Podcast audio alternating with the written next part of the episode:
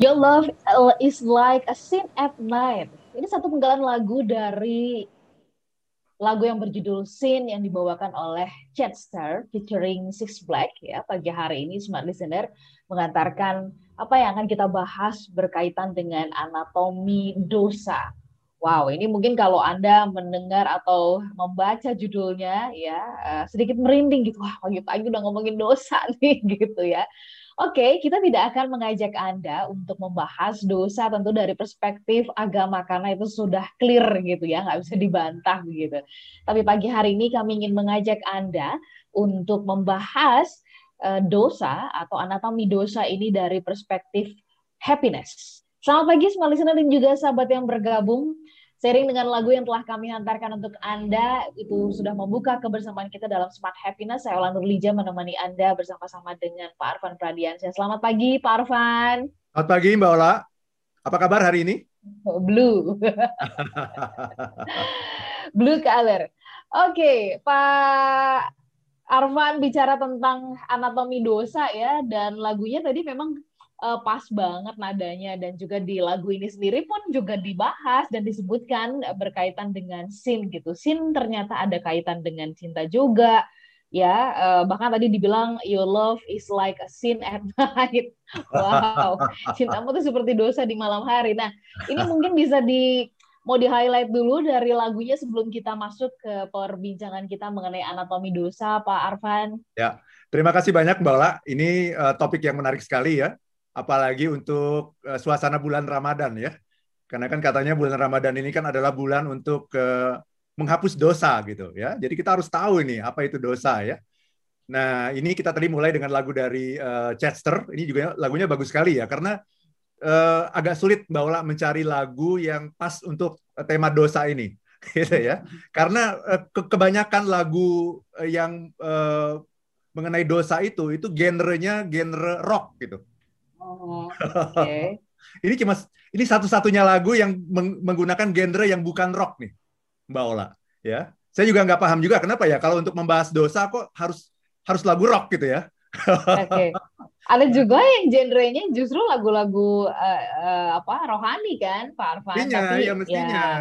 Mestinya begitu ya. Nah, ini lagunya ini uh, dari, uh, dari Chester ya, Sin ini mengenai dosa. Ini cerita mengenai orang yang uh, ingin hubungannya itu tanpa status gitu. Jadi aneh juga ya. Biasanya kan orang itu kepingin hubungan itu ada status ya justru ya. Nah ini mm-hmm. justru mm-hmm. kepingin hubungannya itu tanpa status. Yang penting happy-happy aja. Ya tidak ada keinginan untuk menikah dan sebagainya gitu. Ya jadi dia uh, dikatakan dalam lagu ini your love is like a sin at night. Baby, won't you come here in the light? Dia bilang begitu. Jadi cintamu itu seperti dosa di malam hari.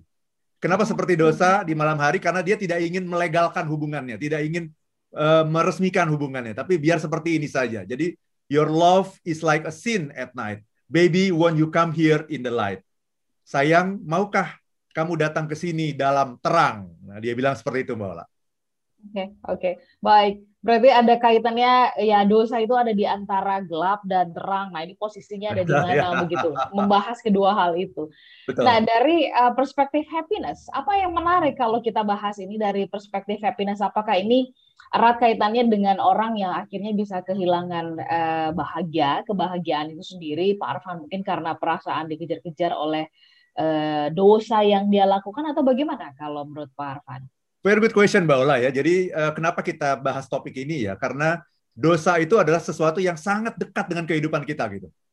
Ya. Dan kalau kita ingin betul-betul jadi orang yang berubah gitu, kita harus paham itu apa itu. Dosa itu apa sesungguhnya dan apa peranan dosa dalam hidup kita dan dalam kebahagiaan kita Mbak Ola.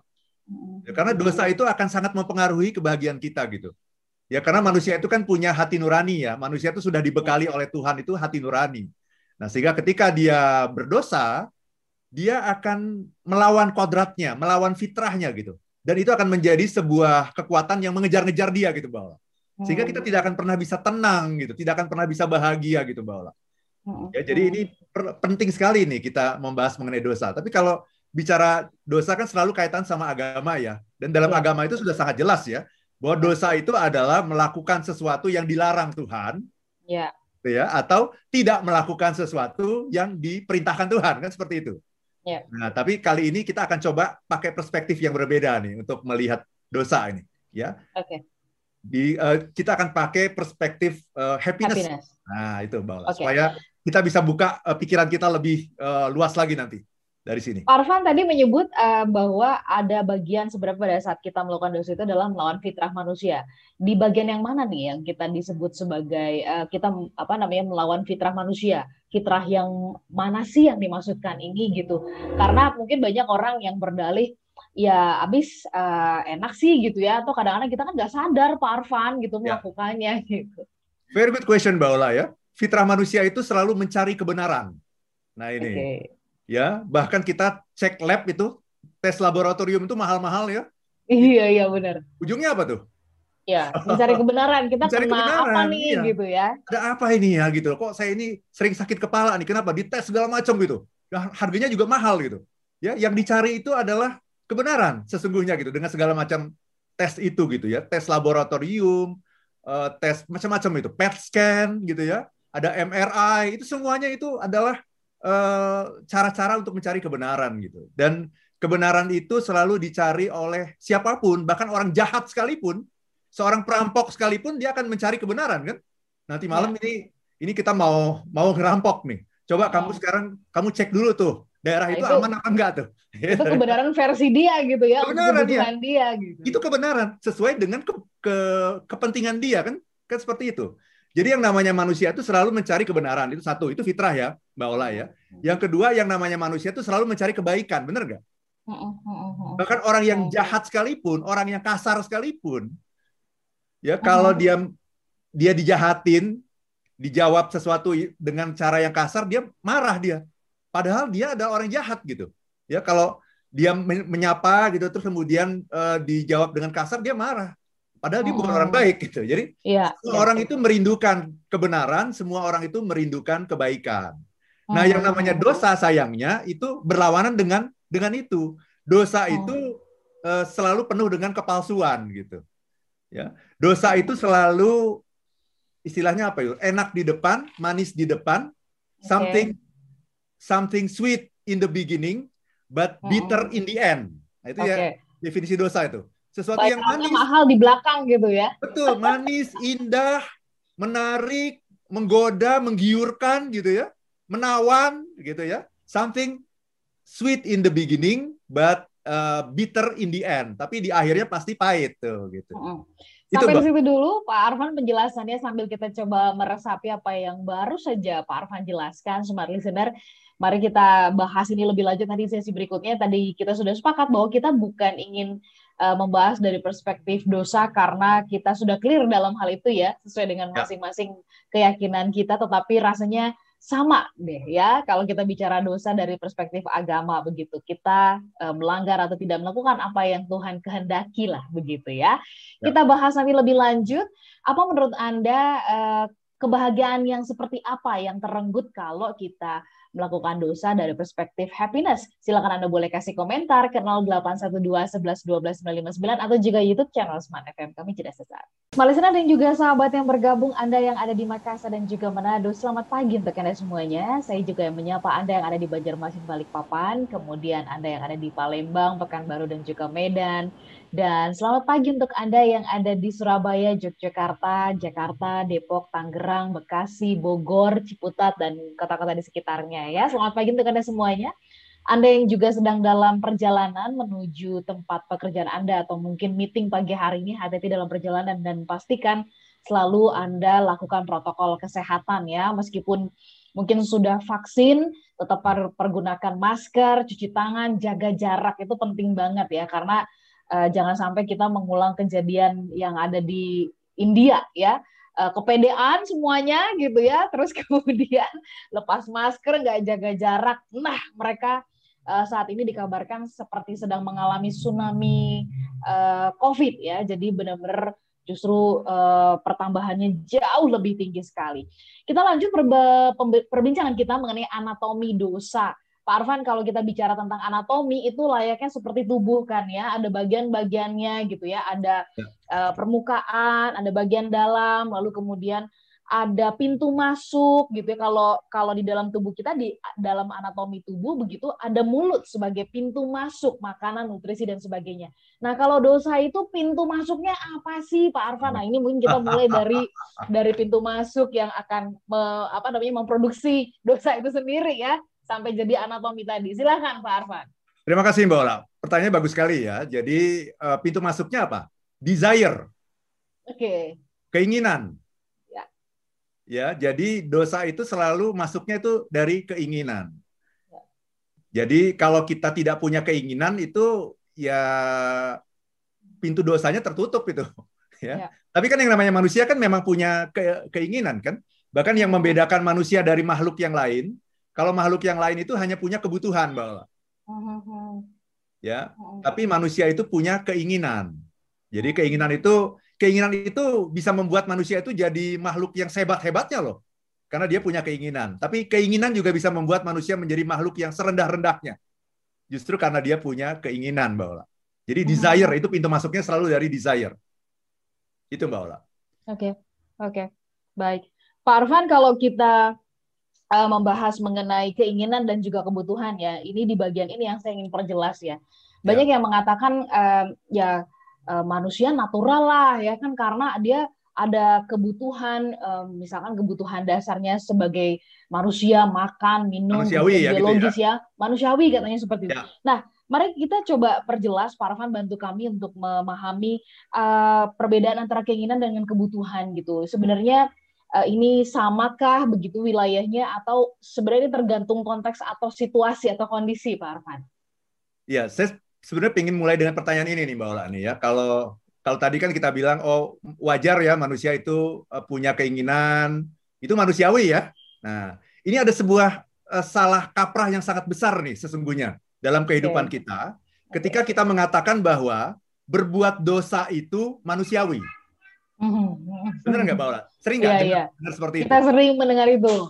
Apalagi kalau dosa. kalau udah ordinary gitu loh Pak, semua iya. orang juga melakukannya gitu ya. Iya, semua orang kan melakukan dosa, berarti berbuat dosa itu manusiawi. Saya bilang ini totally wrong. Ya, yang yang manusiawi itu adalah berbuat salah. Mm -mm. Berbuat salah itu manusiawi. Nah, pertanyaannya berbuat dosa sama ber, berbuat salah beda nggak Mbak Ola? Uh, beda. Apa bedanya coba? Ayo kita diskusi. Apa bedanya? Oke. Okay kalau salah uh, bisa saja uh, kalau dosa itu karena sebenarnya dia sudah tahu gitu ya. Uh, uh, betul sudah betul. Tahu, ya. Dosa sudah tahu, kalau salah itu belum tahu. Nah, ya. yang manusiawi itu adalah berbuat salah. Oke. Okay.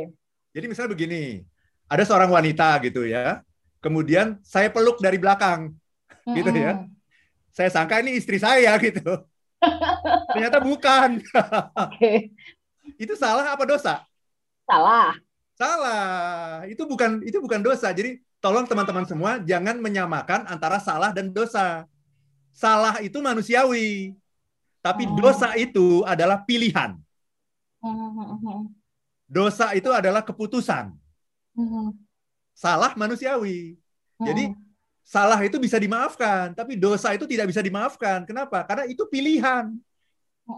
Artinya ketika itu pilihan, maka e, dosa itu dilakukan oleh orang-orang yang sadar, yang sudah tahu bahwa itu adalah dosa, bahwa itu adalah sebuah kesalahan, yang sadar bahwa itu adalah sebuah kesalahan, yang punya niat. Orang yang berdosa itu pasti punya niat, punya niat yang jahat, yang kemudian di lakukan niatnya itu dilaksanakan itu namanya dosa kalau orang yang salah salah itu niatnya selalu baik Mbak Oke. Okay. Orang yang bersalah yeah. itu niatnya baik. Saya niatnya baik nih. Tapi eh, ngomong ke Mbak Ola mungkin ngomongnya agak kurang tepat waktunya dan sebagainya. Akhirnya Mbak Ola salah tangkap. Nah, gitu -huh. kan. Tapi niat saya ini baik nih sebetulnya nih. Nah, itu namanya salah.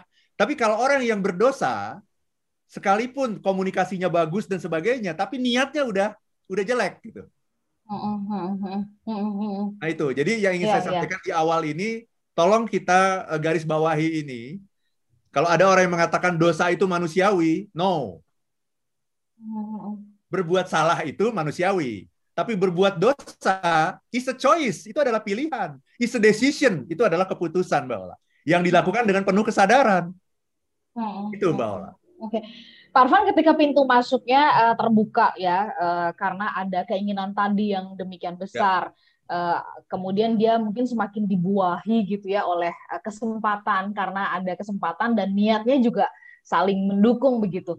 Nah, ya. di mana letak uh, nurani, di mana letak pikiran uh, ketika dosa ini sedang uh, mungkin berkecamuk gitu ya, uh, tarik menarik mungkin di dalam diri kita ini mau jadi nggak, mau enggak ya apa gitu kan pasti kalau kita lihat di film-film gitu ya selalu ada ya. posisi ada malaikat yang putih gitu ya, terus kemudian ada yang hitam gitu ya. ya tarik menarik gitu ya untuk mendorong kita untuk memutuskan yang mana yang akan kita lakukan. Tapi tadi e, benar seperti yang Pak Arfan katakan, berarti kan kalau kita tahu ada suara-suara itu ada sebuah kesadaran bahwa ada kondisi itu. Ya. Nah, eh, di mana letak yang tadi itu Pak, pikiran, nurani dan sebagainya ketika ini berkecamuk? Silahkan Pak. Very good question. Ini bagus sekali pertanyaannya. Ya, jadi ini namanya juga anatomi dosa kan. Kita perlu yeah. lihat nih bagian-bagiannya strukturnya yeah. kayak apa kan? Kan seperti yeah. itu.